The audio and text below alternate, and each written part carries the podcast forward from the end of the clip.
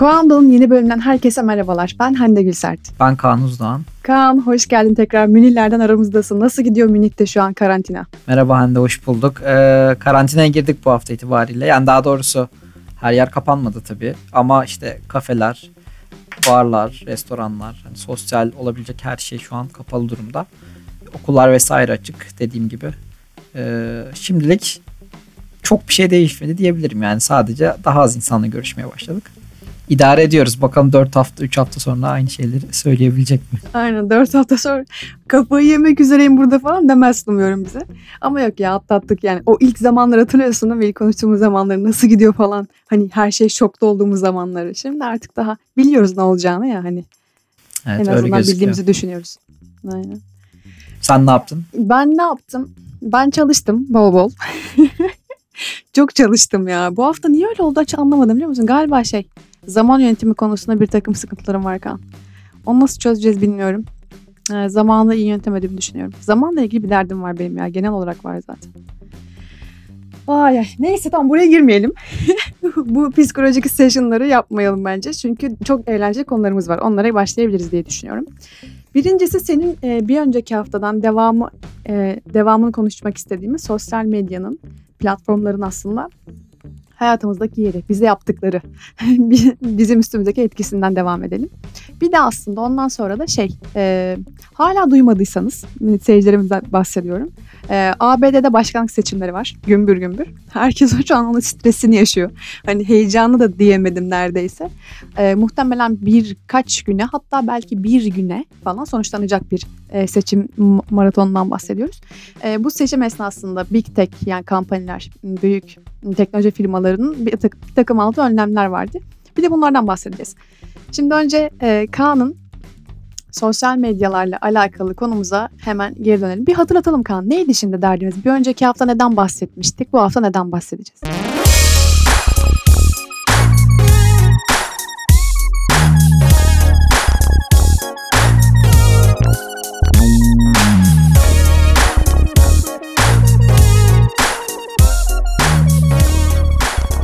Evet önceki hafta e, yazın o bölümünde daha çok sosyal medyanın bireysel bazda yarattığı etkileri değinmeye çalışmıştık. Yani hem insanlar üzerinde yarattığı etkiler işte bağımlılık, dikkat dağınıklığı, anksiyete gibi kişiler üzerinde zararları diyebileceğimiz etkiler ve de e, bunların sinir bilimsel olarak nasıl temelleri olduğunu açıklamaya çalıştık. Yani insan vücudunda gerçekte arka planda neler yaşanıyor.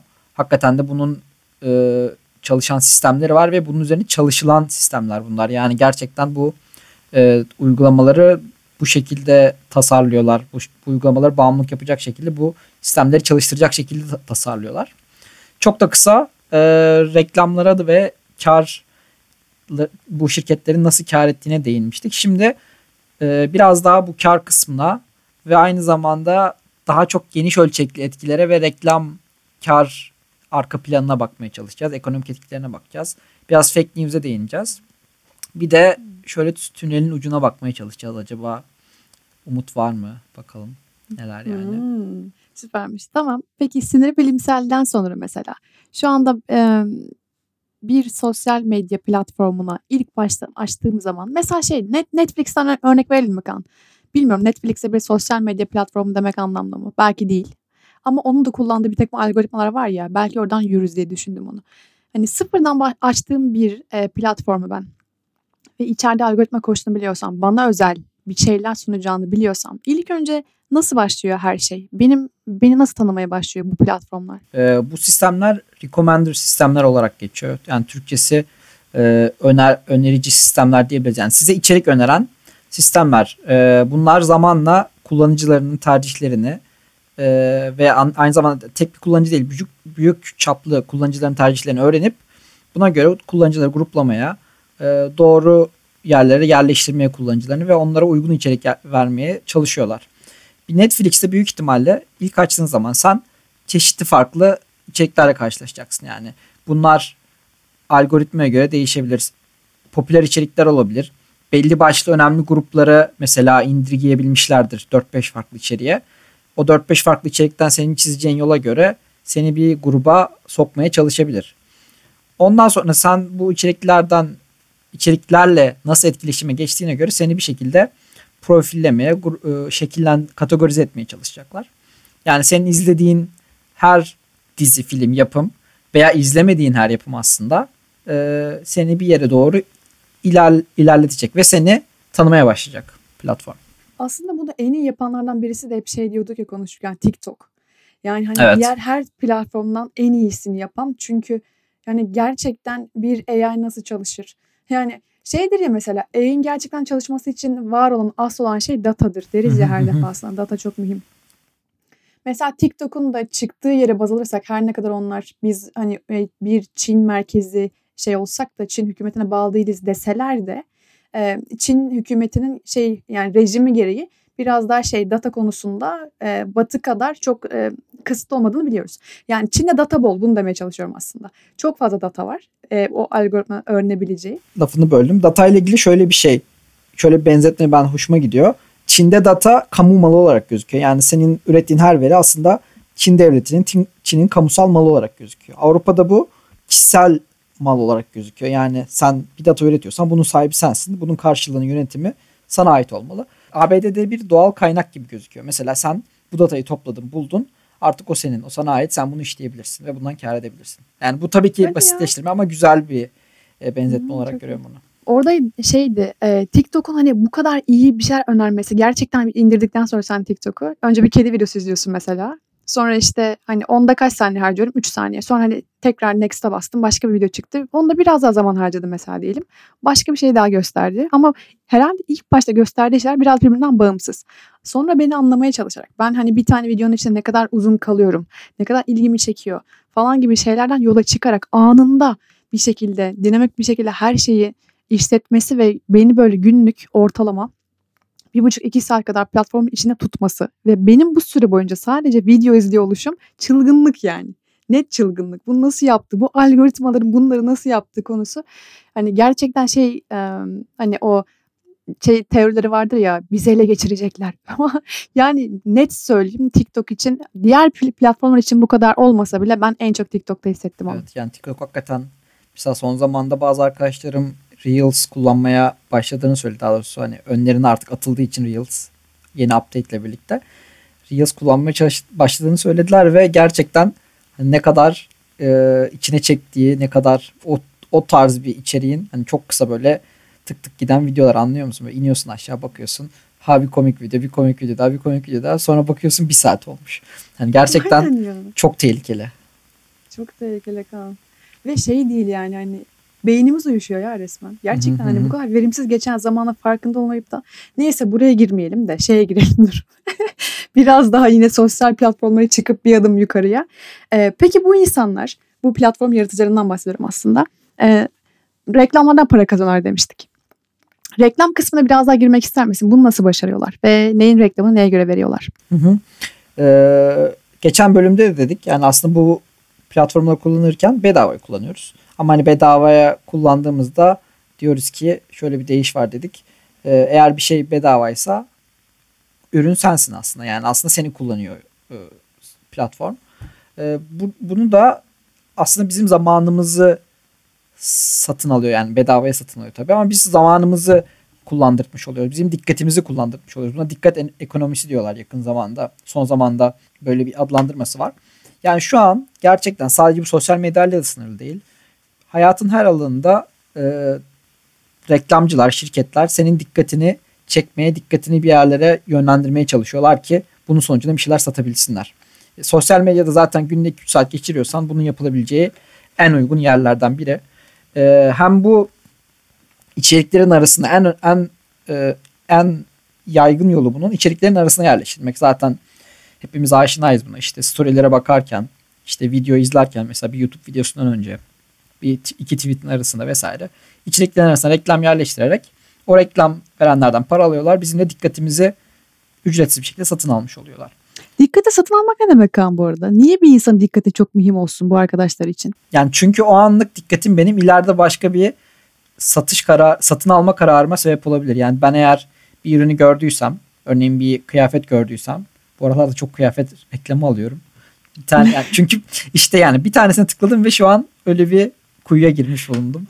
Ha, hedeflendin direkt olarak. Bu da çok mesela e, çok direkt bir satış kanalı olduğu için de bence güzel bir örnek.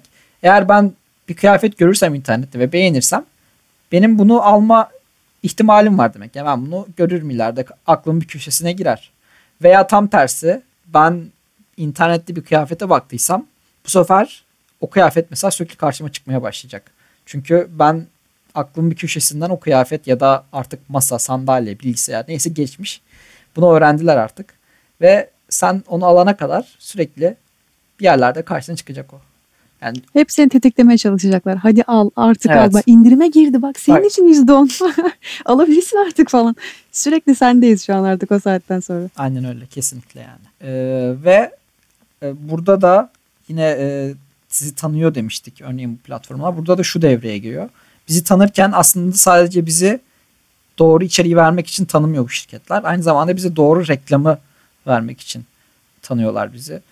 Yani doğru reklam peki niye bize vermek istiyor bunlar? Çünkü aslında reklam verenler bize doğru vermek istiyorlar. Yani ben atıyorum işte yazılımcı 26 yaşında bir erkeksem ve ben atıyorum e, oyunlarla ilgileniyorsam mesela bilgisayar oyunlarıyla. Bu sefer bana bilgisayar oyuncuları beni e, hedeflemek isteyecek. Bana uygun reklamlar vermek isteyecek. Bu sayede de doğru eşleştirme yaparak bu sosyal medya platformları ya da aslında reklamcılar diyelim.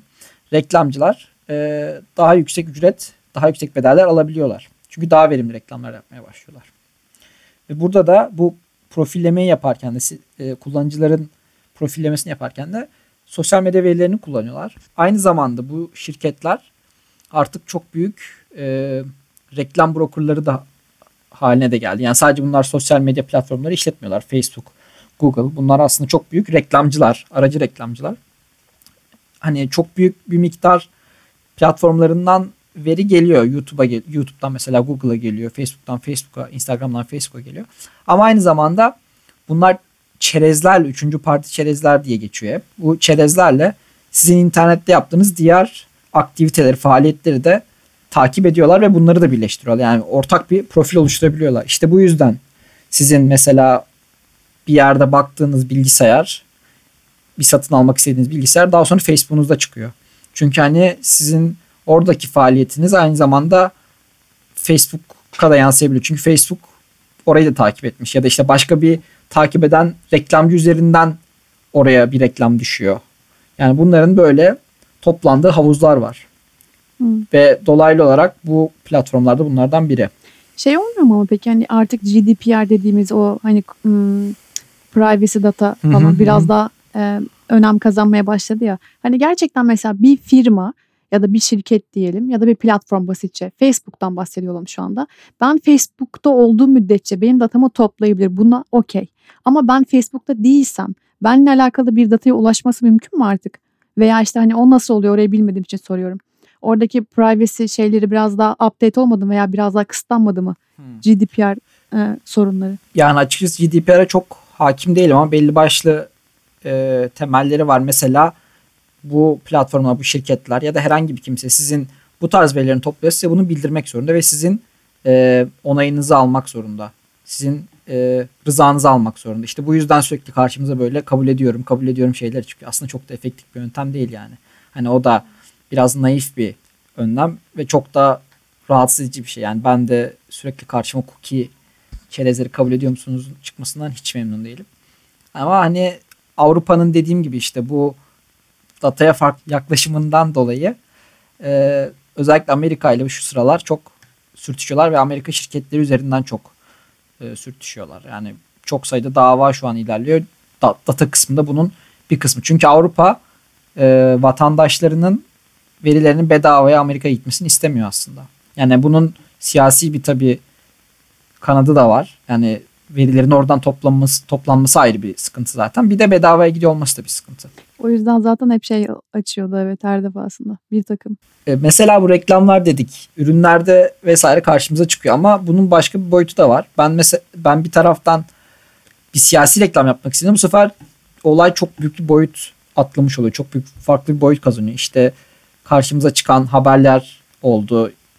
E, siyahilerin sandığa gitmesini engellemek. İşte bazı insanların e, tercihlerine göre reklam vermek gibi siyasi reklamlar Bu sefer olaya çok büyük bir boyut atlatmış oluyor. Bir de bu kısmı ortaya. Çünkü e, direkt olarak hani bir e, rejime etkilemek, bir ülkenin yönetim biçimini etkilemek her şey çok mümkün. Ya sen o insanları hedefleyerek, onların istediği sonuçları onlara göstererek bir takım hatta fake newslar, fake haberler falan oluşturarak istediğin şekilde manipüle edebiliyorsun. Evet, evet. Yani fake news'lar hani doğrudan reklamlarla da olabiliyor ama ben daha organik kısmının çok daha etkili olduğunu düşünüyorum. Bir de özellikle biz çok konuştuk bunları hani şey kısmına bu reklamlarla işte Cambridge Analytica falan filan biraz da aslında onların o kadar da büyük olmayabileceği şeklinde sonuçlarda çıktı şu sıra. Çok fazla ses getirmedi yani. Çünkü Cambridge Analytica tarzı olayların kendisi daha sansasyon yaratıyor da bu kadar büyük olmayabileceği de konuşuluyor. Belki ileride değiniriz bunlara tekrar. Ama böyle bir şey mümkün ve yaşandı yani. Fake news kısmına da gelirsek e, yani de daha dediğim gibi organik kısmı daha etkili bunda. Çünkü fake news aslında bir yani bir bilginin akın akın yayılması bir kaynaktan. Yani bunu birisi koyuyor tamam bir kaynağı var ama o kaynağı yayan insanlar var. Yani bu bir sosyal karmaşık bir sosyal ağ olduğu için eksponansiyel şekilde yayılmaya başlıyor herkese. Ee, burada da hani kaynaklar neler? Örneğin haber siteleri, haber kaynakları en büyük kaynaklar. Şimdi hem bu siteler de fake news yaymaya bir taraftan hani siyasi bir amaçları da olabilir. Bu yüzden de yayabilirler ama doğrudan ekonomik amaçlarla da yayabiliyorlar bunu. Yine bu da dikkat ekonomisiyle alakalı. Örneğin bu siteler böyle eksik, sansasyonel, böyle flash haberler, son dakika haberler çıktıkları zaman insanlar merak ediyorlar bunu ve bunlara tıklıyorlar. Ve tıkladıkları zaman bunu bu kaynakların sitelerine yönlendiriyorlar. Bu kaynakların sitelerinde de reklamlara bakıyorlar. Yine dikkat ekonomisi burada da çok etkili. Yani internetin gerçekten şu an ekonomik temeli bu dikkat ekonomisi olmuş halinde. Ve işte bunun birinci dereceden olmayan ikinci dereceden çok büyük etkileri var. İşte dedik ki fake news, clickbait deniyor mesela bunları da tıkla ne denir? Tık tık haberler falan gibi bir çevirme yapabiliriz. Yani sizi tıklamanızı istiyor haberler. Hem bu bu haberlerin tıklanması sağlanıyor hem de bu tarz eksik, sansasyonel haberler kullanıcıları da işin içine sokmaya başlıyor. Yani ben beni sinirlendiren bir haber gördüğümde alıyorum elime telefonu. Ay sen şöyle mi yaptın? Böyle şey mi olur falan yazmaya başlıyorum. Bunlar da hani hem sosyal platformların içine geliyor. Beni platformda tutuyor. Hem de haber kaynaklarının işte içerik üreticilerin yani bu bir haber sitesi olmak zorunda değil. Bir çok takipçili, az takipçili bir Twitter kullanıcısı da olabilir bu. Onların da etkileşim almasını sağlıyor. Onların da gerekirse tıkalıp para kazanmalarını sağlıyor. Yani çok büyük istenmeyen ikinci dereceden çok büyük etkileri var bu tık ekonomisinin, dikkat ekonomisinin. Peki ne olacak Kaan? Yani nereye gider sence? Bunun bir şeyi var mıdır böyle? Gördüğün hani tünelin ucundan az önce bahsetmiştin ya ışık var mı orada? Yani yakın zamanda yok gibi. Çünkü bu, bu platformlar büyümeye devam ediyorlar. İçerikleri artıyor. işte hakimiyetleri artıyor. Ama bence işte bu açıdan bireysel açıdan farkındalık çok önemli. Yani hem bireylerin kendi sağlığı, akıl sağlığı açısından dolaylı olarak toplumsal açıdan bence bunun farkındalığı çok önemli ki artık bunun biraz daha artmaya başladığını görüyorum ben. Artık çok daha fazla insan bir şeylerin farkına varıyor yani. Bir şeylerin yanlış olduğunun farkında. Belki direkt böyle sıra, sıralayamıyor. Ne olduğunu tık tık söyleyemiyor. Ama bir şeylerin yanlış olduğunu bence herkes farkında. İşte bunun da bu tarz temelleri var. Yani büyük bir değişim yaşanması lazım bunun e, değişmesi için. Belki işte kripto paralar bunun bir e, boyutu olabilir. İşte paranın daha entegre hale gelmesiyle internete hani mikro ödemeler üzerinden mesela biz içeriğimize kullandığımız miktarımıza göre ödemeler yapabiliriz. Ee, belki bilmiyorum artık abonelik sistemleri daha artar. Hani reklamlar azalır. Bir bu yönü var yani hani bir ekonominin değişmesi lazım. Bunun nasıl olacağını kestirmek zor zaten. Bunun başaran da büyük ihtimalle çok büyük bir iş başarmış olacak. Diğer taraftan da işin işte re- regülasyon kısmı var artık hani devletler daha siyasi kısmına bakıyor. Bu tarz yani bence hala bireysel açıdan bakmıyorlar fazla. Örneğin çocuklar açısından mesela bu da yeterince gündeme gelmiyor bence. Çocukların dikkati, çocukların e, eğitimi. Bir de devlet dışında da şöyle organizasyonlar var. Mesela benim çok ilgimi çeken veri sendikaları diye bir oluşum var. E, bu veri sendikaları yine e, blockchain tabanlı aslında. Onun getirdiği bir uygulama ve şunu söylüyorlar veri sendikaları. Diyorlar ki nasıl e, işçiler sermaye sahipleri karşısında birey olarak güç sahibi değiller. O yüzden bir kolektif bir girişimdeler. Kolektif taleplerde bulunuyorlar. Bizim de kullanıcılar olarak birleşip kolektif taleplerde bulmamız lazım bu data data sunucularına, data sağlayıcılarına karşı diyorlar.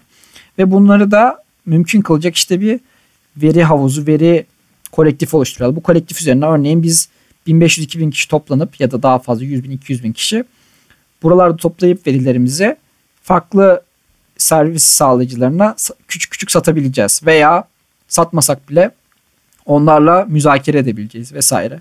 Hani böyle oluşumlar da var. Ben mümkün yani bunun daha mümkün olduğunu düşünüyorum. Bu tarz bir bu tarz bir gelişme üzerinden değişimin olmasının daha mümkün olduğunu düşünüyorum. Şey vardı evet buna çok benzeyen bir tane e, bir belgeselde görmüştüm. Ben yani bu AI ile alakalı Fortnite'ın bir tane e, belgeseli vardı. Orada da aynı o şekilde şey e, bahsettiğin gibi bir abimiz 500 bin oy toplamıştı Kaan.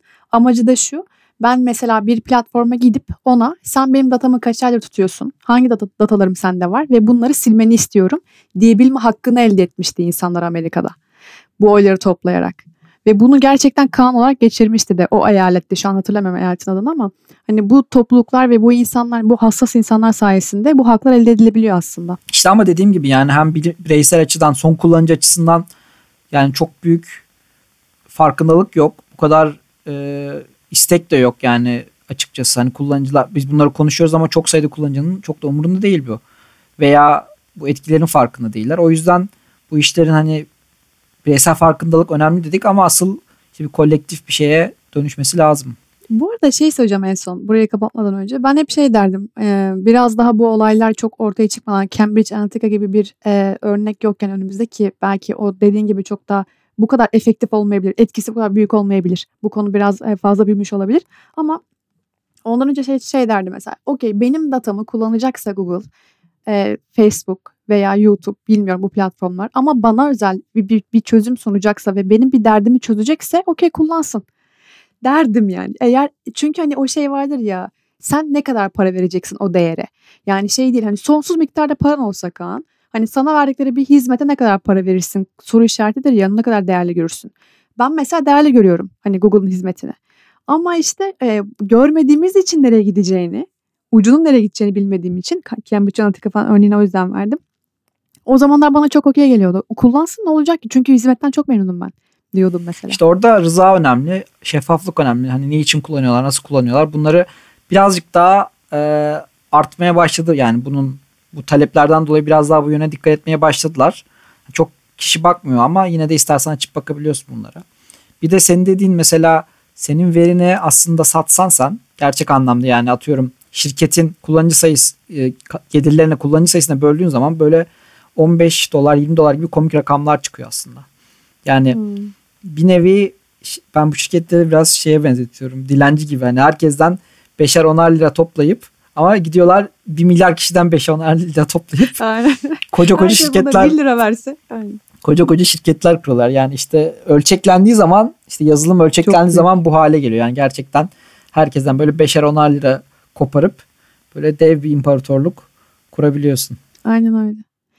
Ee, yine bu büyük platformların aslında başı da bu ikinci konumuza biraz daha buradan hemen bağlayabilirim böylelikle. bu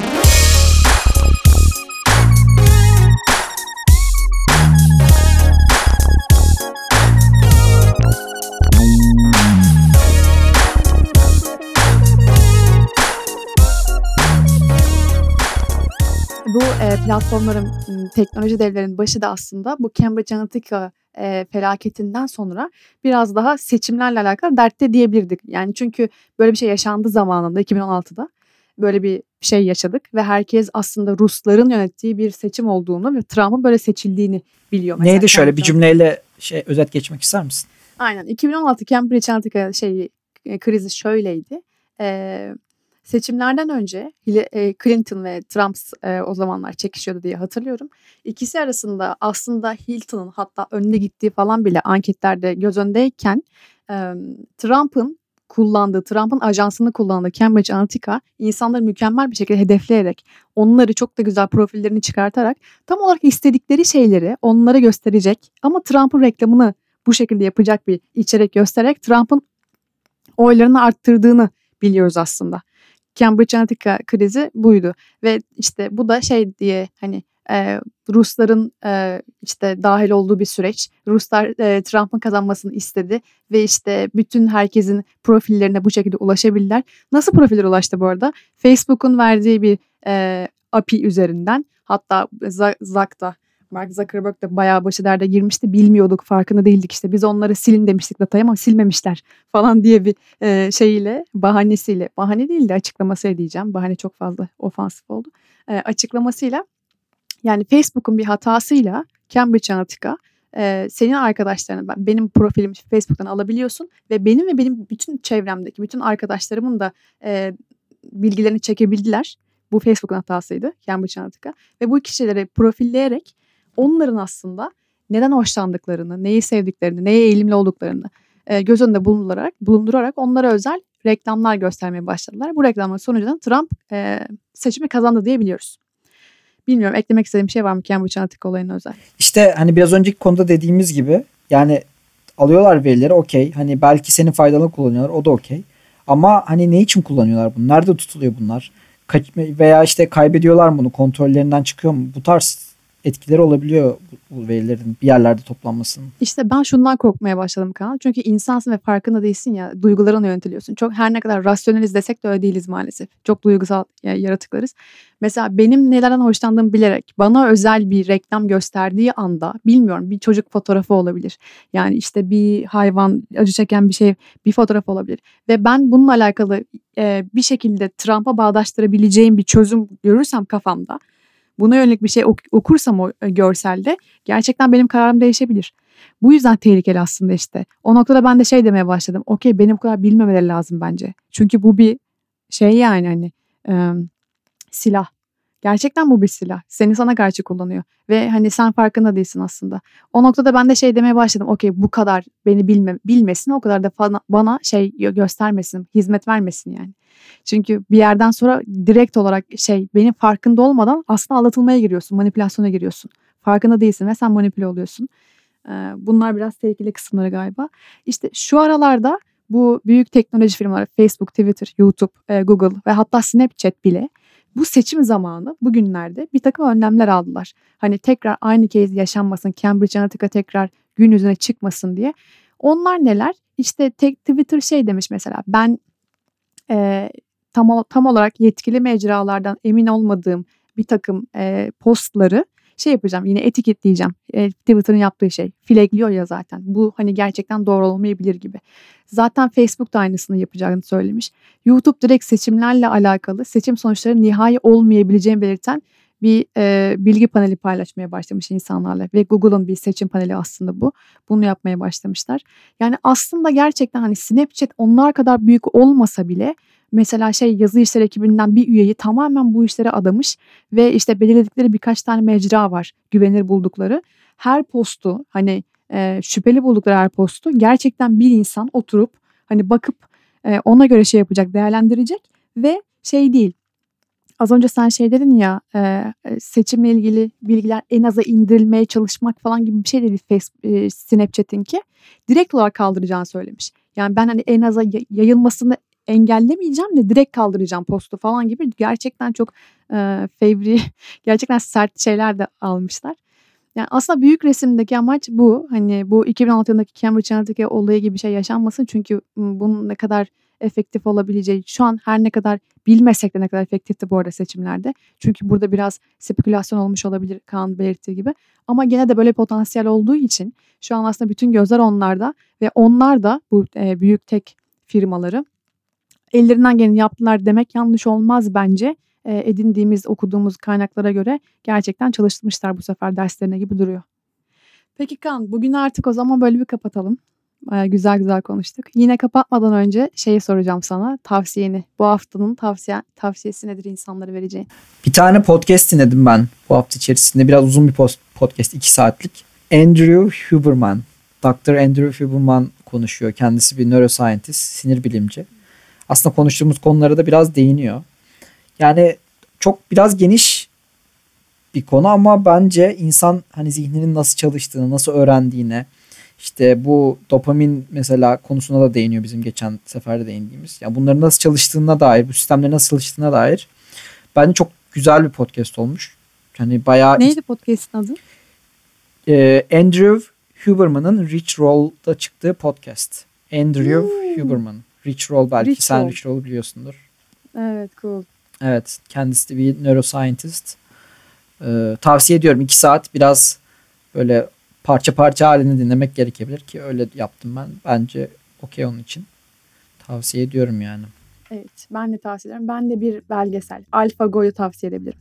AlphaGo Netflix'te de var belgeseli ya.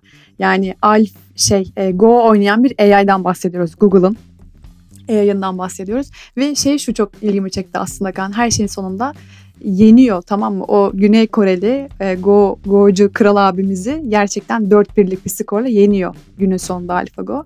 Ve mesela bu o çağda o zamandan sonra bir aydınlanma yaşatıyor insanlara. Hani buna şey derler Spat, Sputnik e, moment. Hani böyle şey e, Sovyetler e, şey göndermişti ya ilk defa Sputnik 1'ı uzaya çıkardıkları zaman Amerika bir şok olmuştu falan ne oluyoruz demişti. Ona galiba Sputnik moment hani evet bir aydınlanma anı gibi. Ondan sonra zaten Ay'a insan çıkaran ilk ulus olmuştu Amerika'da. Hemen aydınlandılar. Hemen yani etkisi oldu. Yani AI'yi da işte AlphaGo'yu da bu, bunu buna benzetiyorlar. Bir Sputnik moment mıydı acaba? İnsanların, diğer tüm firmaların ve platformların AI galiba gerçekten işe yarıyor bak. Hani insanın çözemeyeceği, insan aklına gelmeyeceği e, hareketleri, movement'ları o Go üzerindeki aksiyonları alabildi mesela ve insanı yenebildi. Ve çünkü hatta 37. hareketi için şey yapmıyorum. 37. hareketi yaptı tahta üstünde. Ee, adam şok oldu kaldı böyle çünkü hiç beklemiyor yani yepyeni bir hareket, yepyeni bir şey. Hiç daha önce karşılaştığı bir hareket değil yani. Ve öyle şey oldu, yenildi. Yani işte AI dediğimiz şey biraz daha ona hani veriyorsun kuralları, öğreniyor. Ve çok fazla öğrenmeye ve kendi kendine kreatif olmaya başlıyor ya. Biz de hep önceden şey derdik. Yok ya yaratıcı olamaz. İnsan yaratıcıdır da AI yaratıcı olamaz. Oluyor işte çünkü senin beynin yetmediği kadar şeye hakim orada, dataya hakim ve kendisi çözüm üretebiliyor senin üretemeyeceğin kadar kreatif bir şekilde. AlphaGo da bunu yapmıştı mesela. İşte ondan sonra da hatta diğer firmalar da hatta Çin hükümeti bile bizzati kendisi işte ben 2030 yılında AI konusunda tüm dünya lead edeceğim kararını vermiş. Hani kendisine böyle bir yol çıkarmış. Bir komünist rejimden bahsediyoruz. Yani o yüzden AlphaGo bence güzel bir aydınlanma verdi bana o belgesel. Onu önerebilirim. Nereye geldi konu şu an ama AlphaGo'dan bahsedecektim. Netflix'teki belgeselden bahsettim özetle. Peki. O zaman çok teşekkürler Kaan vaktin için. Ben teşekkür ederim. Görüşürüz Ağzına yine. sağlık güzel oldu. Kendinize çok iyi bakın. Haftaya görüşmek üzere. Hoşçakalın.